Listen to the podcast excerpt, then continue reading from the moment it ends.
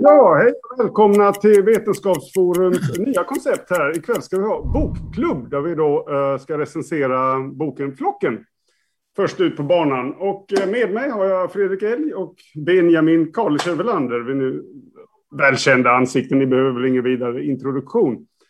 Ehm, jag har förberett en liten ingress till det här programmet. Är det okej okay om jag kör den? Jajamän. Ja, ja, då kör vi här. Det, det här. Jag filade på en artikel häromdagen. Den börjar med... Ja, så jag var ute på Twitter och där vår, vår kollega här i Vetenskapsforum, tillika professor i fysik, Emil Bergholz, han skrev då att Sverige slog nyligen Schweiz med 7-0 i hockey-VM. Ett resultat av ansträngning eller slump? Frågar sig då Emil. Och eh, någon kille som heter Per på Twitter, som jag inte vet vem det är, han, han, han hakar liksom på här och, och fattar liksom vinkeln. Så han skriver, alla kommer göra lika många mål till slut. Och vi hade gjort så få i de första matcherna, så vi hade några kvar. Nu gäller det att hålla igen så vi inte har slut på mål när det ska avgöras.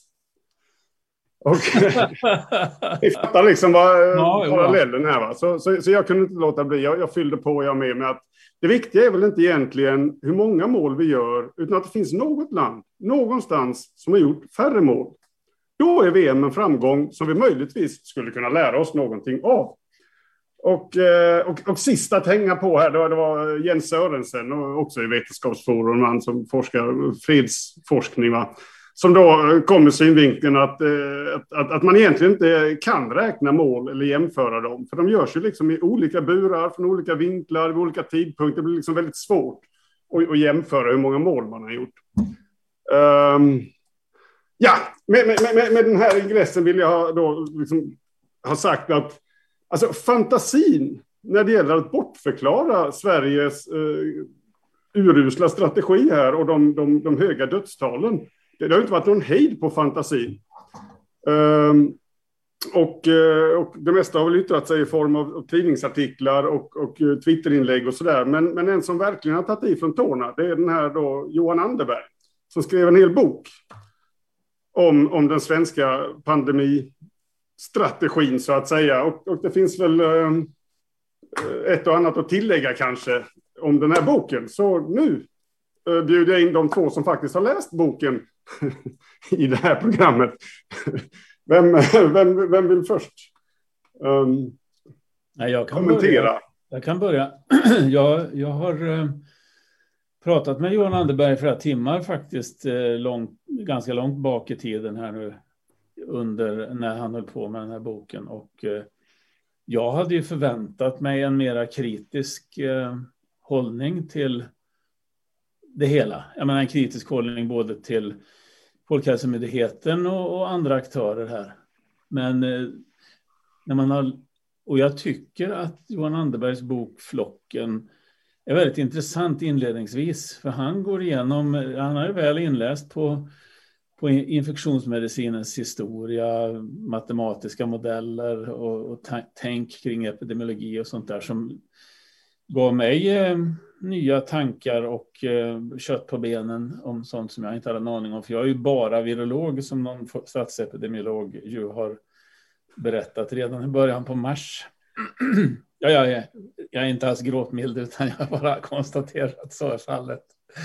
Eh, och eh, det, det gjorde mig intresserad. Jag, jag, jag, hade egentligen inte tänkt att läsa boken för att jag läste så många recensioner där den där den föreföll vara så usel att det inte fanns någon anledning att jag skulle ägna tid åt den eftersom det är så viktigt att ägna tid åt viktiga saker så här i den här pandemin och jag försöker göra det hela tiden för att föra bra saker framåt. Men då Benjamin hade skrivit sin utmärkta recension av det här som fick mig i och för sig ännu mer avtänd men ändå sa att du är faktiskt nämnd på rätt många ställen i boken.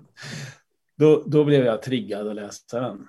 när, när var det du pratade med Anderberg? Ja, du. Kanske, kanske var det på. Kanske var det på sensommaren eller början på hösten 2020. Mm. Då vi hade ett längre samtal. Sen har, har det varit något kortare också. Ja, just det.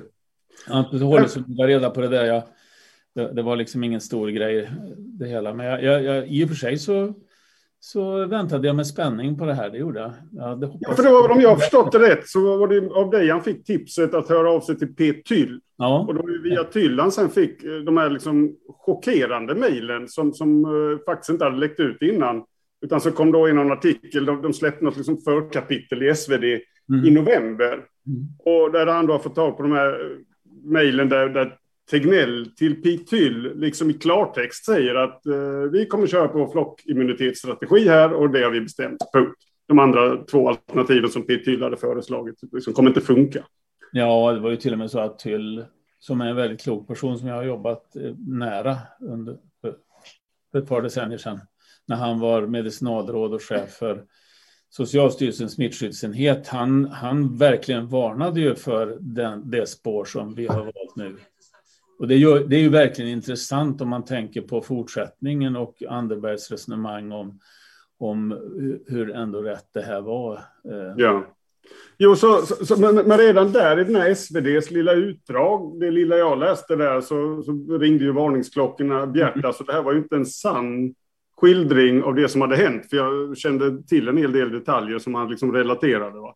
Så, så eh, att, att, boken var en besvikelse var ingen förvåning för mig. Men jag, jag kommer till det, utan jag ska inte avbryta din... Du, du, du, var på väg någonstans med ditt resonemang när jag kom och la mig i.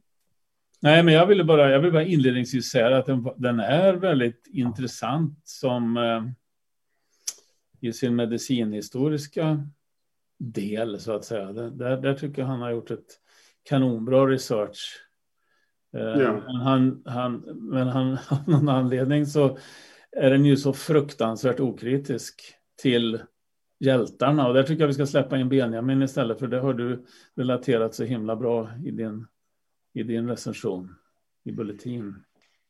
Ja, eh, ja, men till att börja med så, så eh, tycker jag också att det finns en, eh, en behållning med den här berättelsen han tecknar. Och eh, på den på, det, på så mått att han berättar ju vad, vad jag uppfattar som den sanningsenliga eh, bilden av bevekelsegrunderna för den svenska strategin.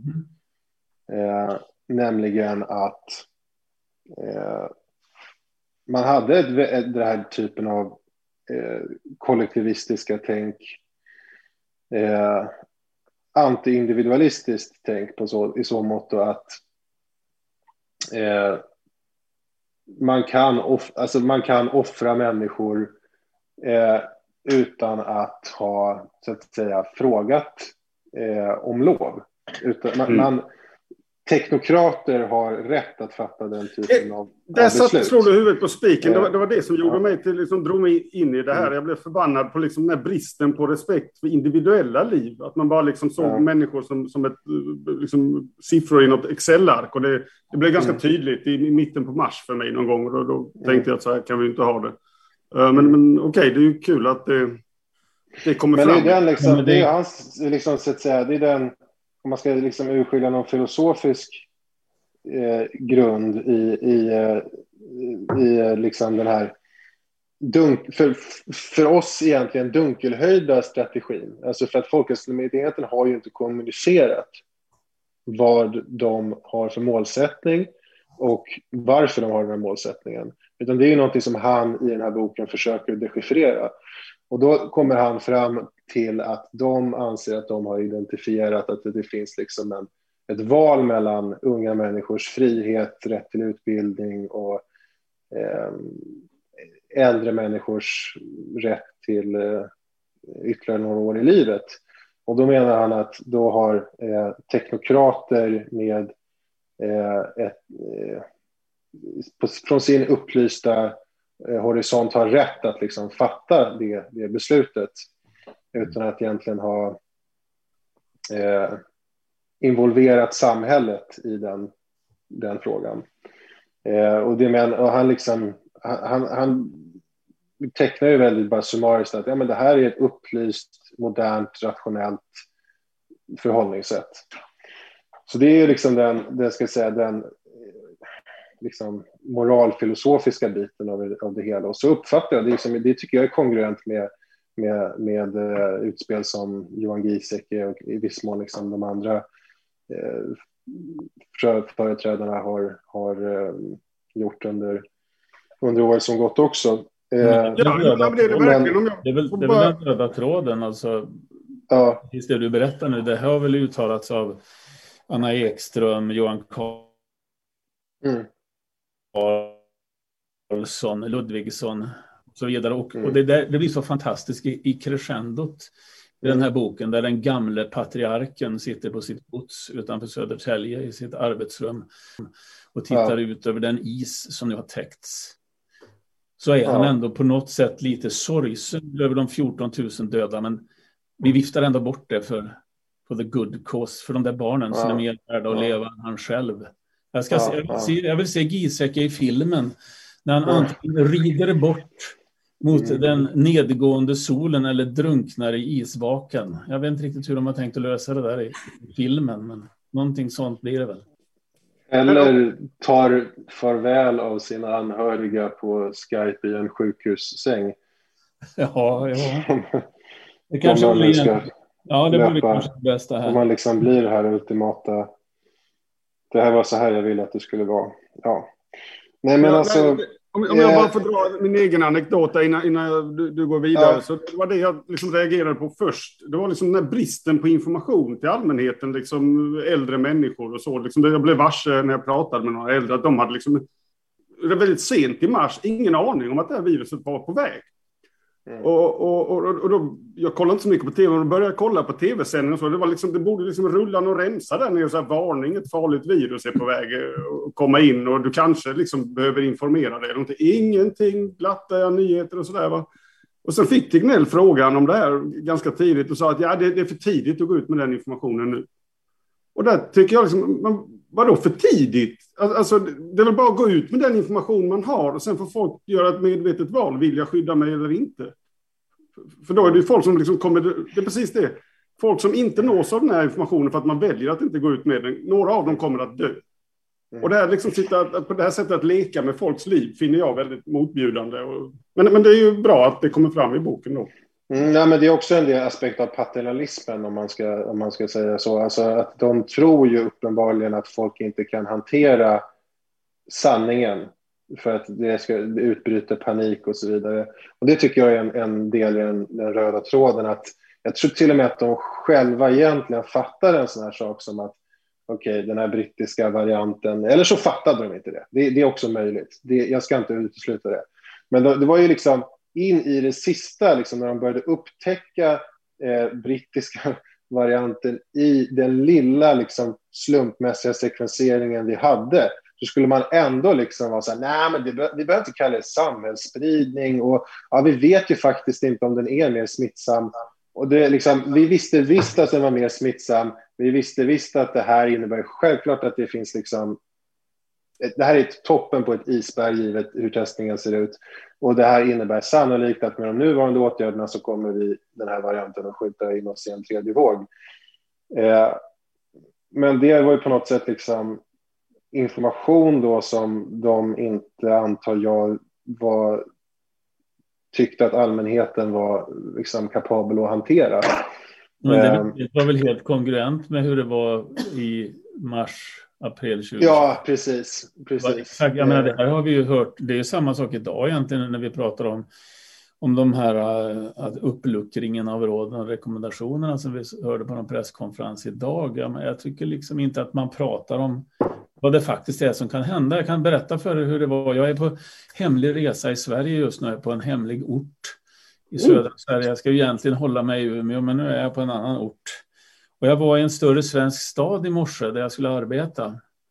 Och på ett hotell där jag har bott några gånger under pandemin, där det har varit närmast folktomt under pandemin. Men idag, och även i denna stad, idag på morgonen var det knökefullt på hotellet. När vi satte oss i vår lilla bil för att åka till det här arbetet så var det massor med mer folk som knallade runt på gatorna, troligen på väg till sina kontor för att de inte orkade jobba hemma längre. Och det var bilköer och alldeles galna bilister som körde hej vilt på ett sätt som jag inte har varit med på sen, sen just eh, mars-april 2020. Så nu är skiten över. Mm. Och det pratar vi inte om på tv, utan vi pratar om att, att vi fortsätter att ge råd och rekommendationer om att det ska vara för annars och så vidare. Men folk skiter i det där fullständigt, för man har skickat ut den signalen nu att, att um, det här är över första juni. Och, det, och det, det, det, gör man det gör man säkert av någon slags politisk skäl, men man gör det också i en total frånvaro av förståelse för att folk tänker själva. Det, det är liksom ehm, det är det som gör att det är släkt med det ni pratade om nyss. Alltså.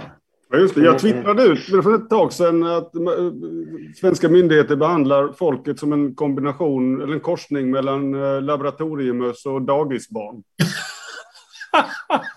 ja, ja, hörru du. Så är det nog. Ehm, jag ska bara säga till alla som lyssnar här att nu börjar ett populärt eh, inslag här i den här bokklubben. Det är nämligen så att man kan skänka pengar till vår organisation som går till att vi kan fortsätta bedriva den här verksamheten. Så då swishar man in 100 kronor eller någonting. Och så kan man då gissa i vilken stad Fredrik Elg befinner sig. Och gissar man rätt så får man en halsduk som det står Vettkopp på. Lycka till! ja, nej, nej, nej, ni får ingen halsduk. Men, äh, men, äh, men, men ni får gärna swisha pengar i alla fall. Hej allihopa, Fredrik här. Eh, på chatten är det väldigt många som undrar, Marcus. Varför är ditt ansikte fullt med röda mystiska prickar? jo, nej men jag var ute och gick och så stötte jag på några som inte hade munskydd. Och så, jag hade ju munskydd då. Så, att, så jag slog till han först och så slog han tillbaka och sen, sen, sen var det full rulle. Så att, det, det var riktigt trevligt. Jag kände mig lite sådär som, som på torget i Vänersborg när jag växte upp. Ja, Mm, ja. Nej, den skämtet gick inte hem. Men... Nej, det, det får du backa på tror jag. Här är ju ändå en seriös forskningsorganisation. Ja, förlåt, jag, jag spånade iväg. Nej, men jag, var, jag, jag var ute i mountainbikespåret och kom precis hem innan, innan sändningen drog igång. Uh, så därav dessa prickar. Och där fick du mässling alltså? ja, men det är ju när du. Och nu fortsätter sändningen. Okej. Okay. Ja, nej men för, för att bara plocka upp tråden där. Alltså, för att då eh, utkristalliserade jag lite grann vad jag uppfattar som den eh, eh, filosofiska grundplåten. Och sen så finns det ett antal epidemiologiska antaganden som de gör. Och det är att dödligheten eh, är avsevärt lägre än vad alla andra räknar med. Och eh, andelen asymptomatiska är eh, Noll. Oerhört mycket. Ja, men precis. Alltså totalt asymptomatiska skulle initialt vara, vara noll därför att vi skulle kunna eh, identifiera alla genom att eh, Men får jag, jag stanna hemma. Och sen så blev det... anomali där bara, för det var ju det som ja. var fascinerande när han kunde, att, att det är det som är Eh, ingår i deras modell. Men samtidigt så talade patriarken Gisek om att det här skulle smyga i befolkningen ju. Och vi skulle ja. inte märka att vi blev sjuka. Det var ju det där som var... Ja, det var ju de två liksom oförenliga grejerna. Det skulle, ja. både, det skulle både vara lugnt eftersom det var eh, utspätt med liksom 999 stycken asymptomatiska fall per symptomatisk. Eller ja, Giesecke sa nog att det var 99 fall. Han sa nog ganska exakt det. Eh, och sen så, eh, det, så var det ena dagen och sen så andra dagen så var det, nej men man smittar bara när man har symptom så, eh, och alla har symptom. Så det är liksom, eh, vår strategi håller av det skälet. Eh, men, eh, så att, men det är i alla fall, det här med dödligheten, de uppskattade ju, de trodde ju på riktigt att den skulle vara i paritet med influensa, det vill säga runt 0,1 procent eh, och inte närmare 1 procent som eh, Imperial College och resten av världen verkade räkna med.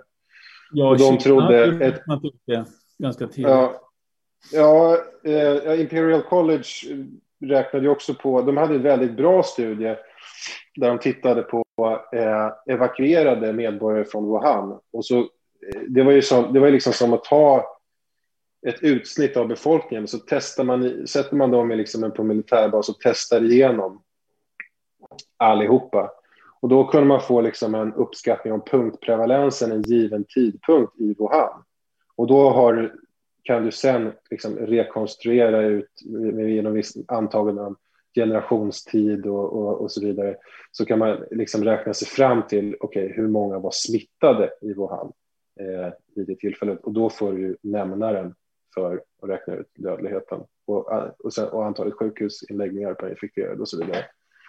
Eh, så det var en jävligt smart studie och den verkar ha hållit streck eh, för att de estimaten som gick in i Imperias modell med den studien har i stort sett replikerats i metaanalyser, alltså i metaanalys efter metaanalys som, som tittar på dödligheten utifrån eh, antikroppsnivåer mm. i befolkningen och så. Eh, så eh, det är det ena, eh, dödligheten och sen så är det det här med att vaccin skulle vara otroligt avlägset. Eh, och av det skälet så skulle det här liksom det här med att du kan bromsa en smitta, det är ju med ett sådant synsätt så är ju det att bara skjuta upp någonting som du ändå oundvikligen kommer behöva dela med. Eh, men kan du skjuta upp någonting fram tills att en lösning kommer så är ju det värt allting. Mm.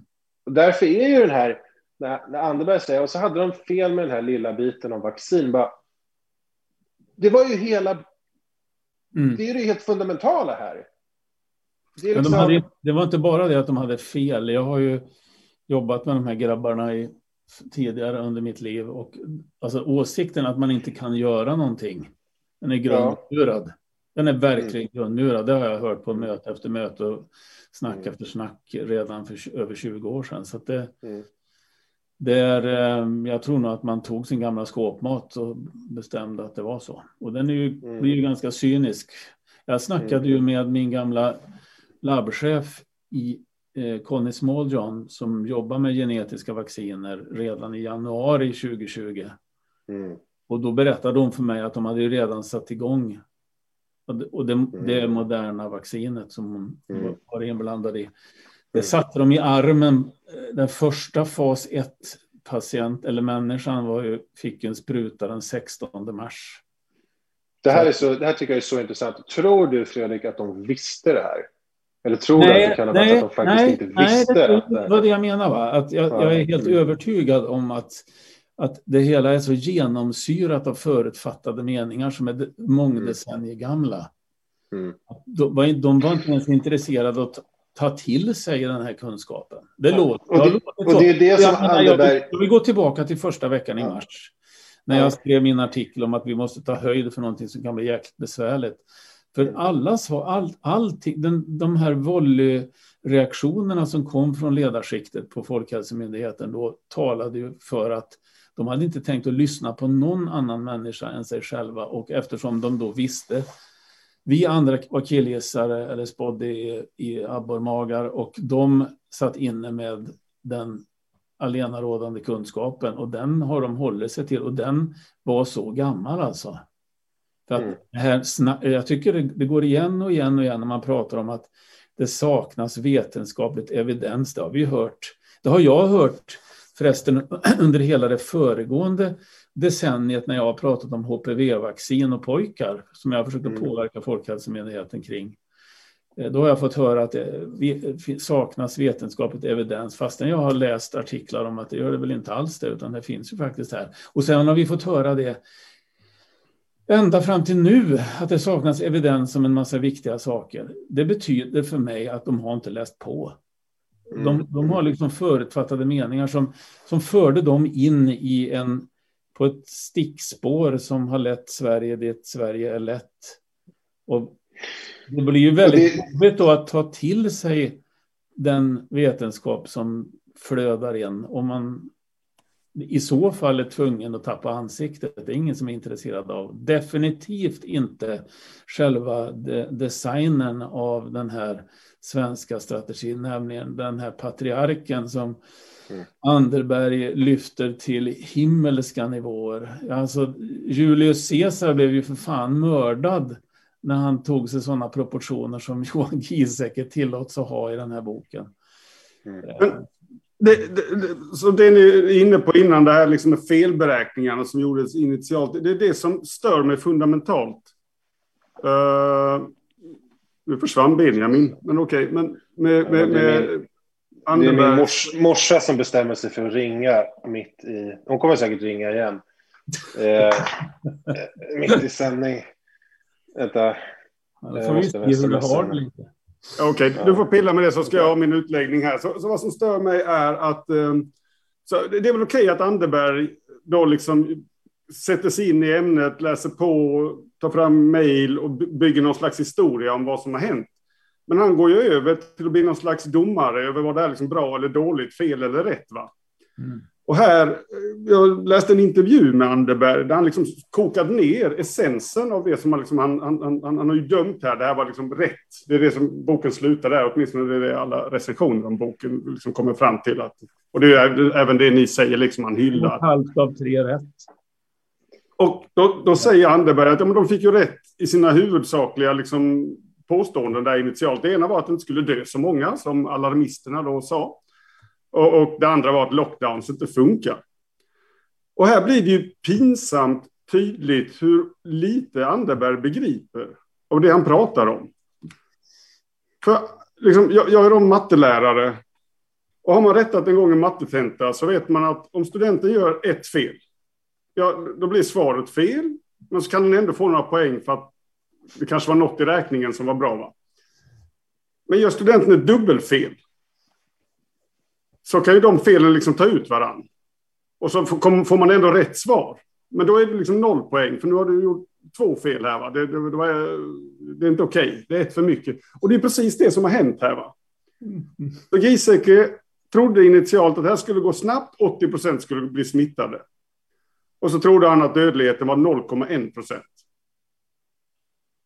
Och det här trodde han så benhårt att när siffrorna sen började komma in data i maj då som visade på att det var liksom 5 procent som var smittade istället för liksom över 50 eller vad han hade hoppats på. då, då, då går han och skriver till Lancet, där han kan skriva då eftersom han är ett känt namn, i väldigt fin tidskrift. Och liksom på något sätt hävdar att data är fel och han har ändå rätt.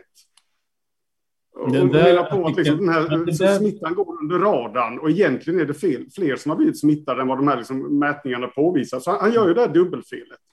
Men där också det att han hela tiden går på sin magkänsla. Och vi skrev ju ett svar på den artikeln som vi kallade, som vi döpte, eller, eller vi satte titeln på det, det svaret till The Science of Gut Feeling. Artikeln kom in i Lancet, men den, den fick inte ha den titeln. Men den hade verkligen varit lämplig, för det är exakt det Giesecke har gjort gång på gång på gång. Och det är klart att det är ungefär som när klockan står still. Den har ju rätt två gånger per dygn. ja. Men vad, menar ni, vad menar ni blev rätt? Jag, jag ser inte att det blev Nej, rätt. Det blev inte ens rätt. Jo, men alltså antalet döda. Det, det, blev inte så många döda som kritikerna, eller som då liksom, de som varnade påstod. Men det, det liksom... men, men, det var ju... Det är nog helt, jag vet inte. Där får man hålla tungan rätt i mun för att det fanns ett preprint och det är det enda jag har sett från eh, Uppsala där de menade sig använt Imperials modell och anpassat efter de svenska dåvarande eh, eh, eh, smittskyddsåtgärderna. Och så menar de att epidemin skulle liksom få löpa ett fullt förlopp och då skulle vi ha 85 000 döda eller någonting fram till sommaren. Liksom. Mm. Så de hade ju, men Imperial stod inte bakom den eh, studien. Och exakt, jag vet inte vad exakt vad de hade matat in som var fel, men någonting var ju, det var, den modellerandet var uppenbarligen inte korrekt. Det jag, för att vara lite så här nördig nu, det, man, det jag har uppfattat att Imperial inte eh, förmodligen kände till och hade med i sin modell eh, är ju det som du, det, du, vi har snackat om tidigare, Marcus. Det är eh, alltså eh, överdispensionen, hur pass eh, superspread-drivet den här smittan är. Att eh, det är ändå så att eh, ja, ja, alltså, så, 80 procent 80 av smittan drivs av kanske eh, fem, nej, jag tror att 90 procent av smittan drivs av 5 procent av de smittade eller någonting i den stilen. Så att när, du, när man gjorde som Sverige gjorde, eh, uppmanade folk att, eh, vilket skedde med ganska hög eh, liksom, följsamhet initialt, eh, hålla sig undan tätbefolkade eh, ställen eh, och eh, förbjuda folksamlingar. Den typen av åtgärder hade en väldigt stor effekt på reproduktionstalen därför att du, du kapade liksom den här änden på kurvan där, eh, som består av människor som smittar liksom 30-40 personer eh, vardera. Mm. Eh, jo, nej, men alltså, vi, vi, kan diskutera den... ett helt program om vad som var fel med de ursprungliga modellerna, men... Ja, alltså, men jag tycker det, eh, jag tycker det, jag vet inte, jag tycker, jag tycker det är en relativt viktig aspekt ändå. Eh, men eh, sen, alltså så här, historieskrivningen då, vad var det som var, eh, vem sa vad? Imperial sa ju aldrig faktiskt eh, med sitt målidéande att Sverige skulle få eh, tiotusentals döda eh, fram till sommaren. De gjorde inte den typen av, av liksom prediktioner. Så det är väldigt svårt att säga att, att, att, det som de stod bakom och som han kritiserar så hårt i sin bok, eh, att det har liksom egentligen motbevisats. Eh, ja, just det. Så jag... Imperial College de hade gör ingenting-scenario och då skulle det dö väldigt många. Och ja, och det de gjorde ju sig... någonting. Ja, och de, de, de, de gör ingenting-scenarierna är ju ungefär det. Alltså jag kan inte, jag kan inte se att, de skulle vara, att det skulle vara så felaktigt skattat. Alltså, det, det, vet, det får vi aldrig reda på eftersom, ja. eftersom alla gjorde någonting. Tack och lov. Men, men ändå får man ju liksom Nej, men alltså hur många har du? Det har dött 127 000 britter nu. Och eh, eh, de sa 510 000. Så att, eh, vadå, ungefär, alltså, e- epidemin har väl löpt ungefär en fjärdedel av sitt så att säga naturliga förlopp. Men det jag det är väl helt Jag skrev en artikel den 2 mars och då gjorde jag ett räkneexempel, extremt enkelt, för jag är inte alls lika bra på matte som alla andra. Och, så, och det gick ut på att om en procent av befolkningen blev om mortalitet, eller om dödligheten var 1 procent och 50 procent av befolkningen blev smittad, vilket jag tänkte kanske var rimligt innan man når någon form av flockimmunitet. Eller 5 miljoner menar jag. Då, då, eh, om halva befolkningen måste bli smittad, bli sjuk eller smittad innan man, innan man når flockimmunitet, ja, då får vi 50 000 döingar här i Sverige 50 000, det var precis det, det fick vi ju inte. Det fick vi ju inte, precis som ni säger, på grund av att vi har ju gjort en massa saker trots allt, även om det inte är tillräckligt. Mm. Ja, men, det är men, samma sak som du just sa om Imperial-siffrorna vs de brittiska. Och, mm. Alltså, att de här människorna på Folkhälsomyndigheten som är satta att räkna på de här grejerna inte ens kan räkna sådana enkla saker och förklara det mm. för oss. Det tycker jag är anmärkningsvärt. Mm. Att, att vi skulle behöva ta alla de här riskerna, för de hade faktiskt kunnat de hade faktiskt kunnat förstå det väldigt tidigt att det här var allvar och att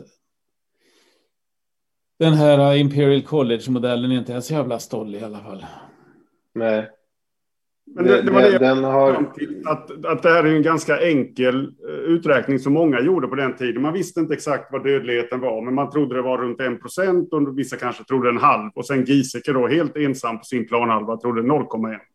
Mm. Och, och, alla var ju överens om att över 50 procent skulle få det här. Och vi har ju inte ens kommit upp i 30 procent på en, på ett och ett halvt år. Men, ah, men det var ju vad alla trodde skulle hända. Så 50 procent minst och så gånger någon siffra, liksom 0,6 eller så där, ja då hamnar över 30 000. Och, och, och, så blev det ju inte, utan det blev liksom, vad är vi uppe nu, 14, vilket var ungefär den ballpark som, som Tegnell och Giesecke gissade på helt felaktig matte. Men då tar Anderberg där att, aha, 14, 8 till 20 som Tegnell sa, det är ungefär samma sak, alltså har Tegnell rätt. Nej, han gör inte ens så avancerat. Alltså, Eh, jag, jag, vet inte, har Giesecke trodde att det skulle vara som ett svårt influensaår. Han trodde inte att vi skulle få 14 000 döda. Men det, att det skulle vara det, typ... det, är ju, det, ju det, han, det, det sa Giesecke redan ungefär första dagen. Ja. Det följer ju med hela boken, för Anderberg låter ju Giesecke liksom få rätt i det. Han tar upp säsongsinfluensan 93 och visar inom citationstecken att det här är ju inte värre än det som hände 93. hur han kan återupprepa det flera gånger i boken, det är ju pinsamt och skämmigt och konstigt mm. på alla sätt. Alltså om man tänker på vad som faktiskt har hänt i Sverige under det här året.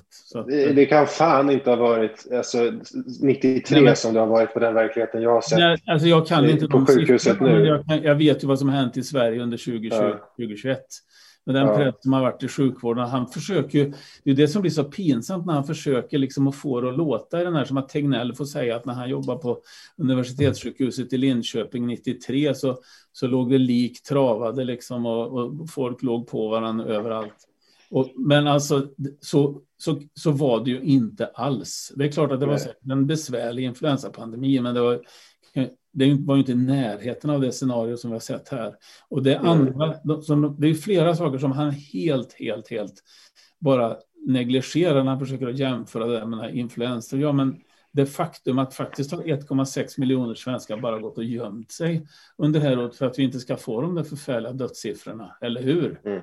Mm. Det går för herregud inte att jämföra med säsongsinfluensa. Här har suttit varenda 70-plussare har suttit hemma under 14 månader och sen har vi faktiskt, även om det är till i förnekelse i Sverige, en väldig massa människor som har långtidscovid av olika slag. Det går inte heller att bortse ifrån. Så att det här, det, det, det blir löjligt det som Anderberg ägnar sig åt i andra halvan av sin bok? Eller när ja, det är det här som är så motbjudande. För det, det har varit mycket snack i media om liksom vilken expert ska få uttala sig om vad. Som vi som är forskare då, som har förmåga att läsa in oss och, och förstår forskningstänk, liksom hur man argument leder till en slutsats och sådär. Vi ska inte uttala oss. Om, om jag liksom har studerat matte så får jag inte prata om fysik och fysiken får inte... Är det så här, man, ingen får säga någonting. Men helt plötsligt kommer den här personen som uppenbarligen inte har någon akademisk skolning alls Mm. Nej, men han har ju fått hjälp. Han har ju suttit i knät på patriarken där, i det där på det där godset i, utanför Södertälje. Han måste ju ha matats med guldsked av Johan Giesecke med sådana här one-liners och en massa saker som inte riktigt stämmer med verkligheten. Jag kan inte tolka på annat sätt eftersom den andra som hade kunnat mata honom med den här informationen är statsepidemiologen Tegnell och han har ju talat om att det här är faktiskt fiction. Vilket jag tycker är rätt, för här skulle jag vilja komma in med en grej. Jag skulle vilja säga en sak till Johan Anderberg om du sitter och lyssnar på det här. Jag tycker inte det är okej okay att du har snackat att, om att jag och Tegnell har någon slags konflikt av något slag, för det har vi inte alls. Vi är meningsmotståndare i vetenskapliga ting. Det har ju varit på flera fronter, både när, det, ja, när vi jobbade tillsammans, när jag, när jag var chef för Kunskapscentrum för mikrobiologisk beredskap på Smittskyddsinstitutet för 20 år sedan, när det handlade om svininfluensan 2009. För det var det mycket jag inte tyckte var korrekt. Det har handlat om HPV vacciner för pojkar som man har sekat med något alldeles otroligt i Sverige och det gäller naturligtvis under den här pandemin nu 2020-2021. Men att det skulle vara någon slags konflikt här, det är bara larv. Det är science fiction, det vill jag säga i rutan här nu. Och det talar om för mig att det finns, plus en hel del av de saker vi har pratat om nu, det har talat om för mig att, att det finns väldigt mycket som är osanningar och bullshit i den här boken. Och eh, det tycker jag är viktigt att man påpekar, för det är faktiskt alldeles för mycket rappakalja och felslut som det här baserar sig på. Och det tror jag faktiskt att man har gjort, därför att det här ska ju vara ett säljande manus som folk ska kunna läsa i utlandet. Den är ju såld som bok hit och dit. Och säkert ska det bli någon slags film också. Jag är väldigt spänd på vem som ska få spela Fredrik Elg i den här boken. För han dyker ju upp under resans gång som någon slags gubben i lådan uppe i Umeå. Jag är så intresserad också av detta totala Stockholmsperspektiv som den här boken faktiskt också representerar.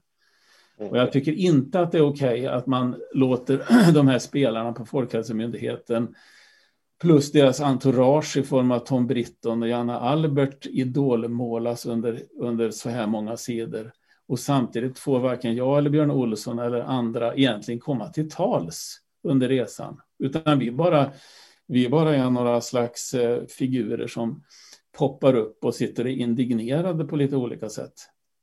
Ja, jag var förvånad att han överhuvudtaget hade pratat med dig, för jag sökte kontakt med honom efter att jag läste det här, att han hade varit i kontakt med P. Tyll, men han, var inte, han svarade aldrig mig. Men, men det, det är precis det här jag har reflekterat över. Eller då den här SvD-artikeln kom ut med referat från den här boken.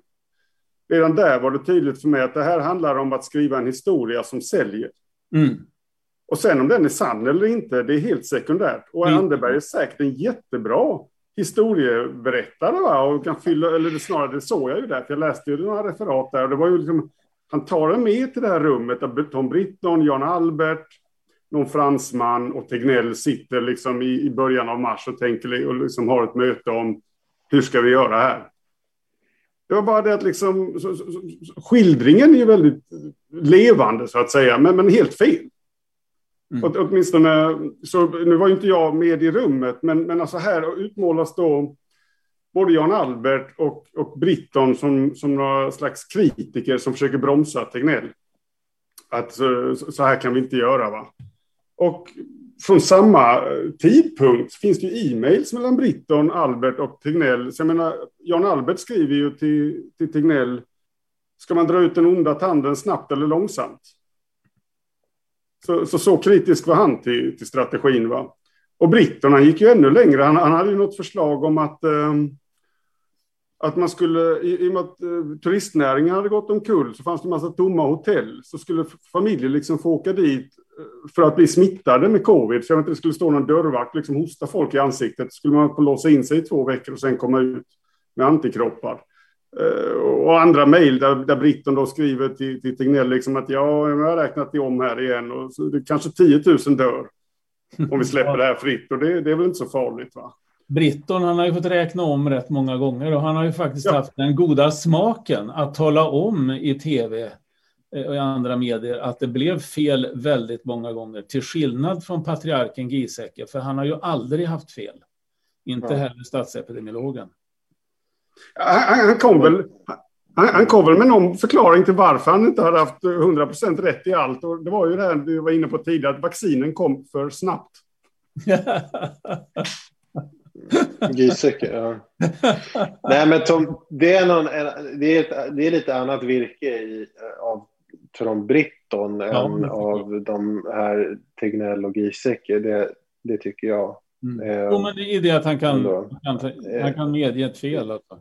Ja, det finns något slags... Å andra sidan, har- man haft så pass det mycket finns något fel slags sanningssökande...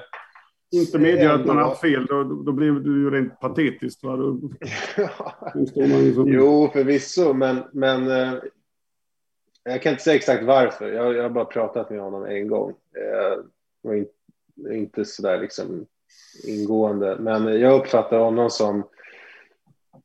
Eh, jag uppfattar inte honom som en sån den här politikertypen. Nej. Som Alltså, vi, vi behöver inte sitta här och göra ner Tom Britton, men det, är ändå, det, det liksom sticker i ögonen Mm. att Jan Albert och Mm. Britton, de får vara kritikerna. Liksom. Medan vi som har varit kritiker eh, blir inte ens liksom tillfrågade.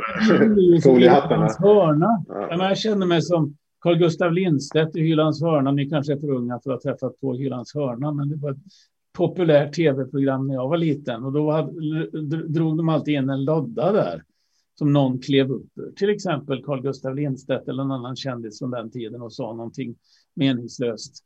Och det, det har, det har, jag menar, jag har engagerat mig hårt i det här ända sedan den 2 mars 2020 och jag, jag, jag blir lite putt på att man ska bli någon slags dekoration här bara för att de någon, någon, någon liksom liten filur som kan sticka upp och sitta där uppe i Umeå och vara indignerad och han talar inte ens om vad det är jag är indignerad över. Alltså, i alla fall inte på djupet. Det, det, där, det, där, eh, det där tycker jag är patetiskt. Det, det bara talar om att det är en väldigt, väldigt biased story. Den är väldigt ensidig. Och den är Ja, väldigt, det, det, det här som Benjamin, du har lyft fram att det är ett hjälteepos. Det är precis vad det är. Det är dramaturgi i det här. Det är meningen att det ska vara en säljande story och där ger jag statsepidemiologen rätt.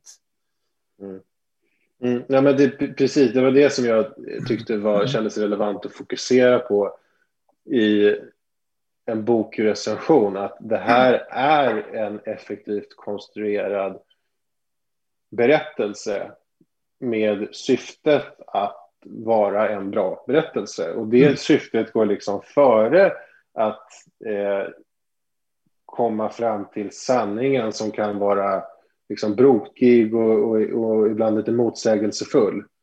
Mm. Eh, och eh, ja, det, det, det är just det som jag tycker blir så läskigt när man sen tänker sig att man ska göra film av det här. Ja. För att då kan, alltså då, jag menar, den är ju som gjord för att kanske bli en film och eh, i, eh, alltså film är ju någonting som når ut till så många fler. Och det kommer, jag har svårt att se hur det inte skulle kunna bli en, en ren, någon, alltså ett väldigt effektivt propagandaverktyg. Eh, och... Men de släpper väl den direkt efter Coronakommissionens slutgiltiga rapport. Då kommer Johan Anderbergs Flocken som film. Ja, mm. det här så jag till och med... Uh... Anthony Hopkins som Johan Giesecke. ja, nej, men liksom, och så ska man ha... Alltså, hur många länder har underhållning som hyllar de egna eh, mest aktuella makthavarna. Jag förstår att man har så här... Ja, det är väl Sovjetunionen, Östtyskland, Kina, Nordkorea och sådana. Ja, men du vet, vi kan ha någon Palme-film. Det köper jag. Palme var en bra kille. Han, han, ville, han, han eh, tog ett ställning mot eh, ja, orättvisor i världen. Bra han heller. Men ja. Nej, men alltså, det är liksom... Det är någonting som jag kan acceptera. Det, det är inte... Eh, det blir inte en politisk propaganda som har bäring idag. Men att göra liksom en, en eh, mm. ett, ett, att, att liksom lägga ut ett hjälteepos om våra mest aktuella makthavare.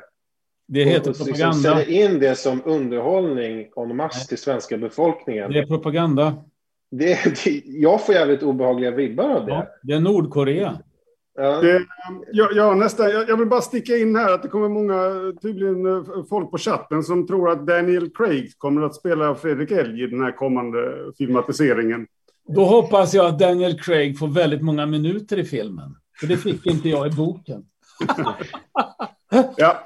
Nej, men vad jag, vad jag, vill, jag vill koppla an på det ni säger. Så jag har nästan lekt med tanken att uh, den här Christer Jansson, ni vet, uh, ja, jag vet inte om alla lyssnarna vet det, men FHM, de har ju en presschef.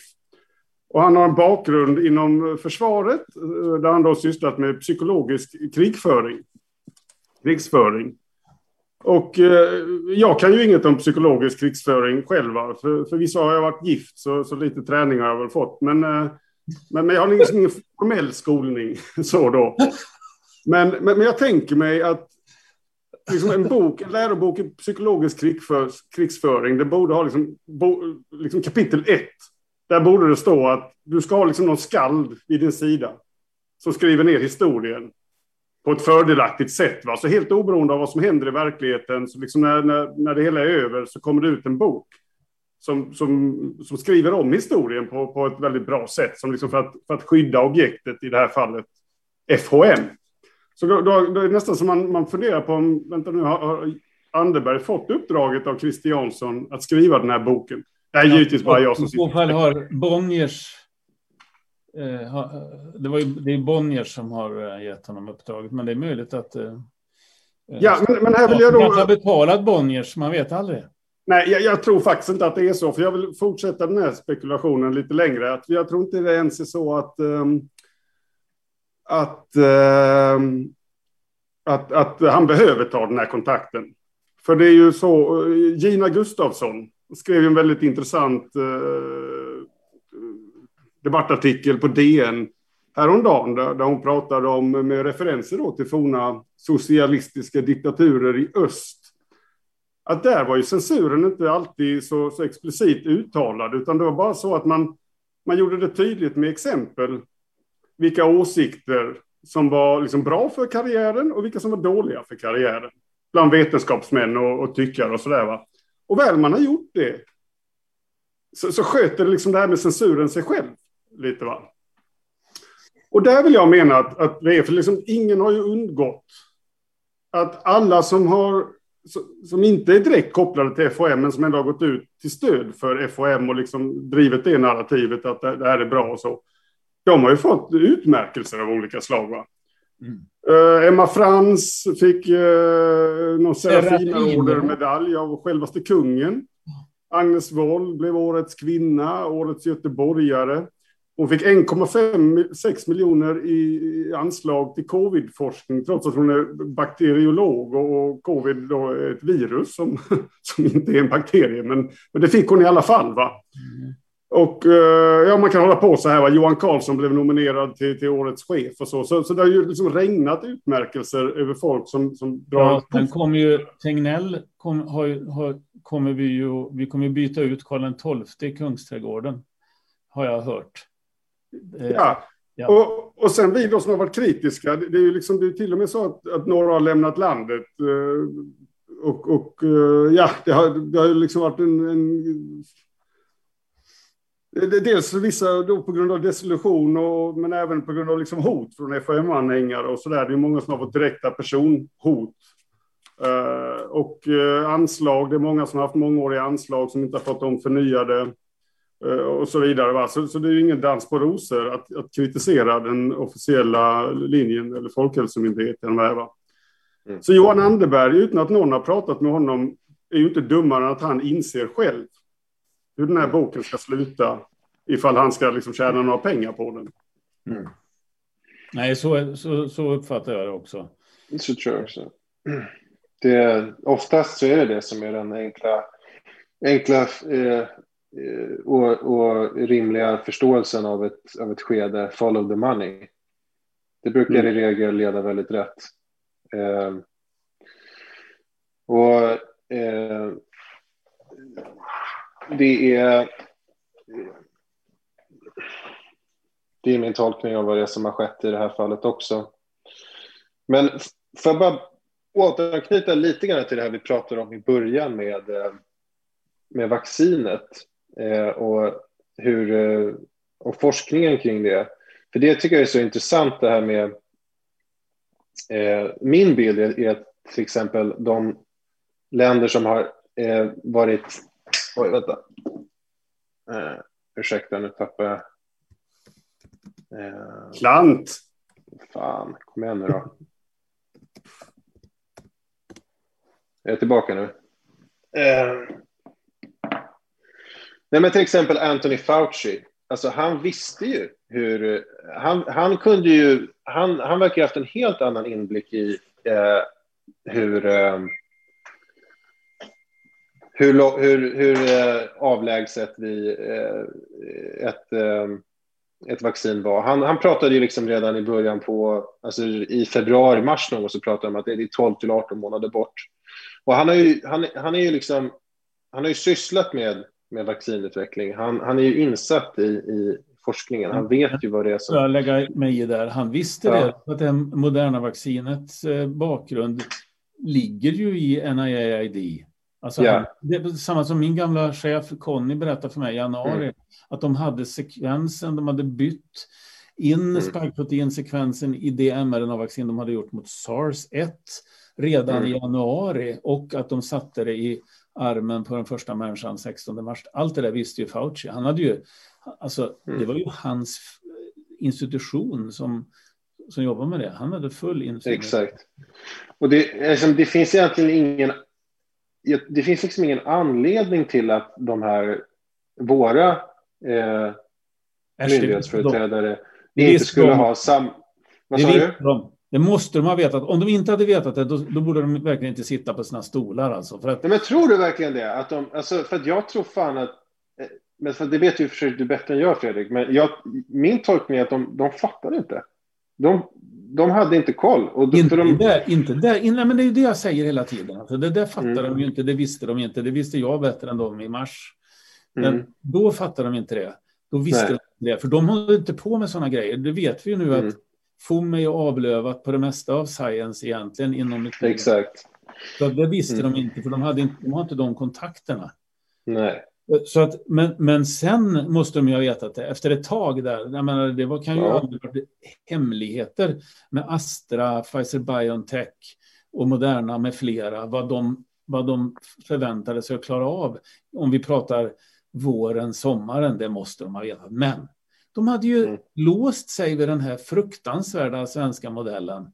Mm. Och då, var det väl, då, då blev det ju nästan jobbigt att prata om det. Och det tycker jag, jag och Stefan Einhoff mm. skrev en artikel om de här negativa vibbarna kring vaccinerna som var på höstkanten.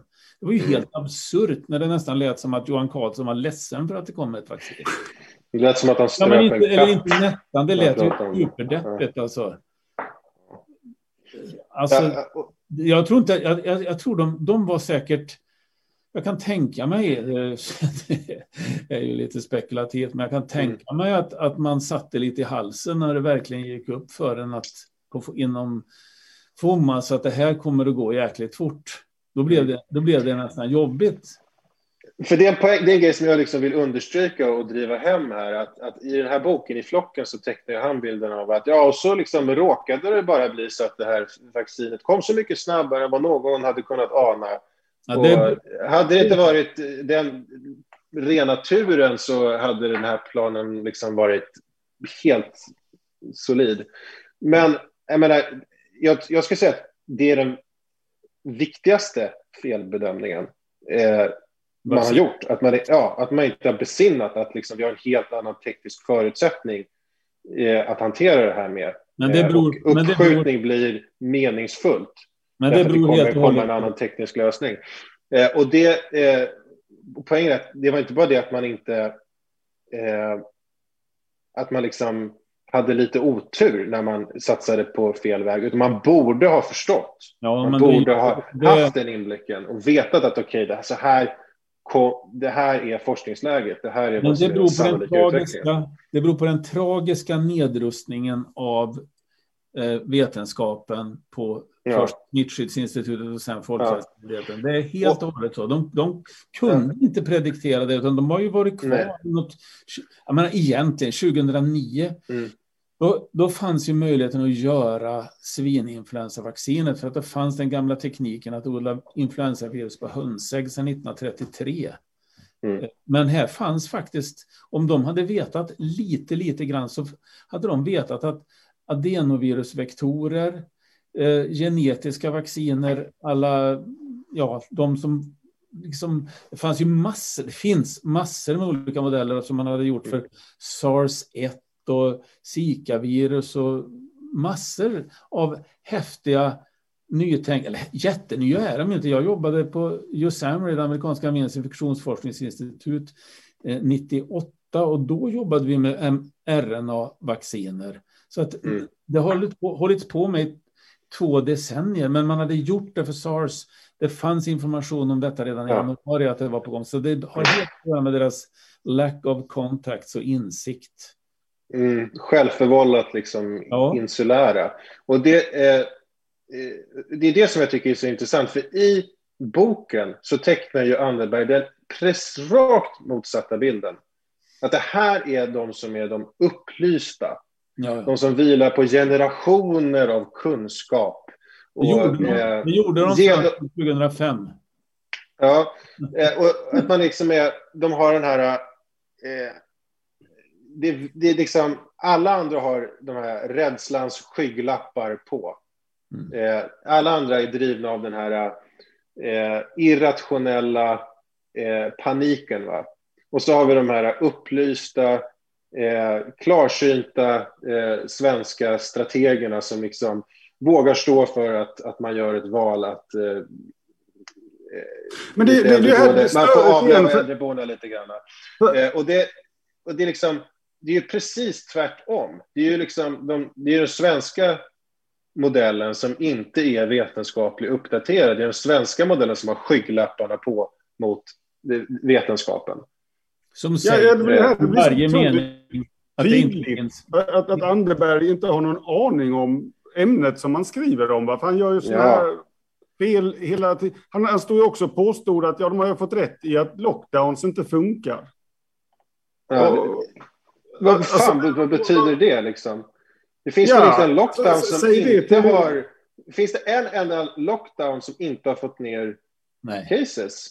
Nej, han menar förmodligen att ja, men det, den försvann ju inte helt och hållet, utan det kommer ju tillbaka. Men, men jag menar, om man då kollar på Sverige, Johanna Hög har gjort en jättebra sammanställning nu, så vi, vi har Mm. Tre barn har dött i våra tre grannländer och i Sverige har 13 registrerade barn dött. Men alla under andra och tredje vågen, så förmodligen är det kanske eh, lika många till som dog under första vågen, om, eller någonstans där kring. Så, så säg 20 barn mot, mot tre.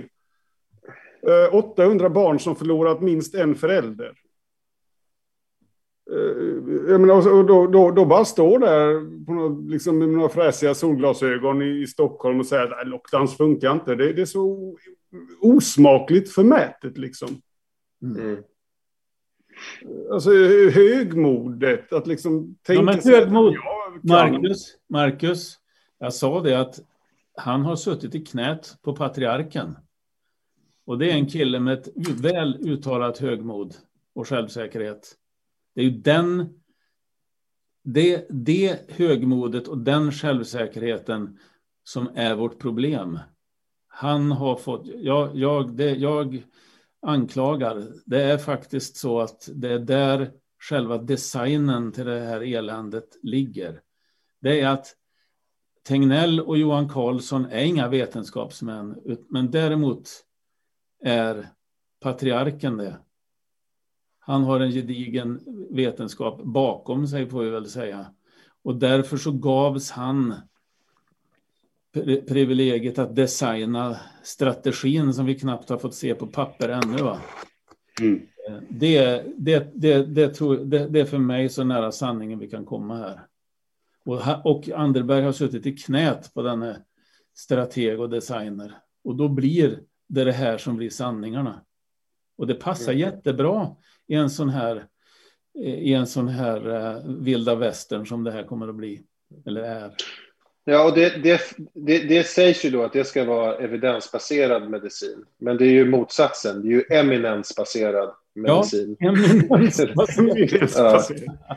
Tack. Hörrni, klockan har blivit eh, tio. Vi, vi, får nästan eh, sluta tracka ner på Anderberg. Han blir väl ledsen här om man vi fortsätter för länge. Inte alls, jag tror inte alls att Johan Anderberg är ledsen. Han har ju sålt rättigheterna till det här manuset till 51 länder och, och säkert till en, en ja. del eh, till Okej, okay, det var en framgångsrik affär. Men i alla fall så är klockan tio och om vi sitter och pratar för länge så kommer ingen, ingen titta på det.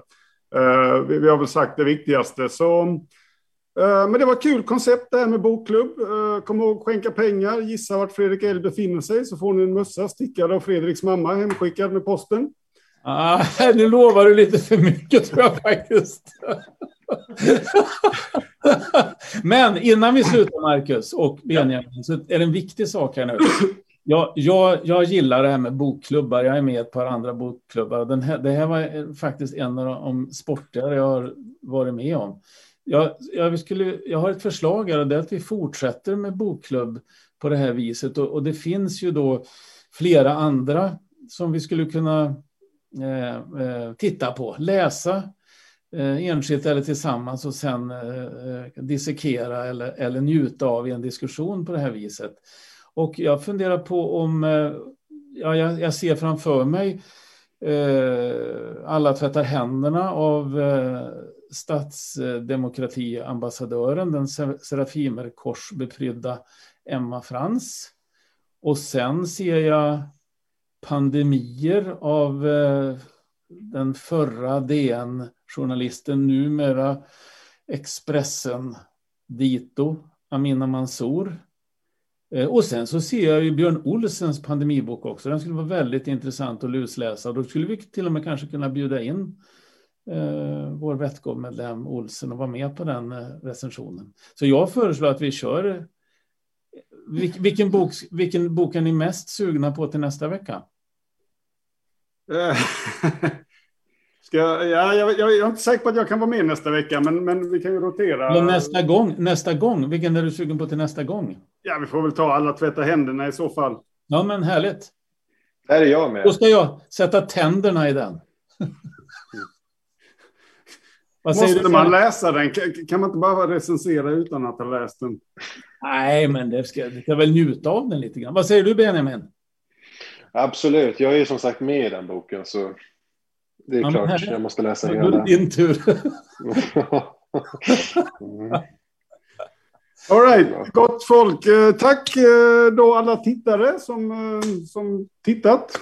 Och ja, där stänger vi. Bokklubben är slut för ikväll. På återseende. På återseende, ja. Hej. Hej.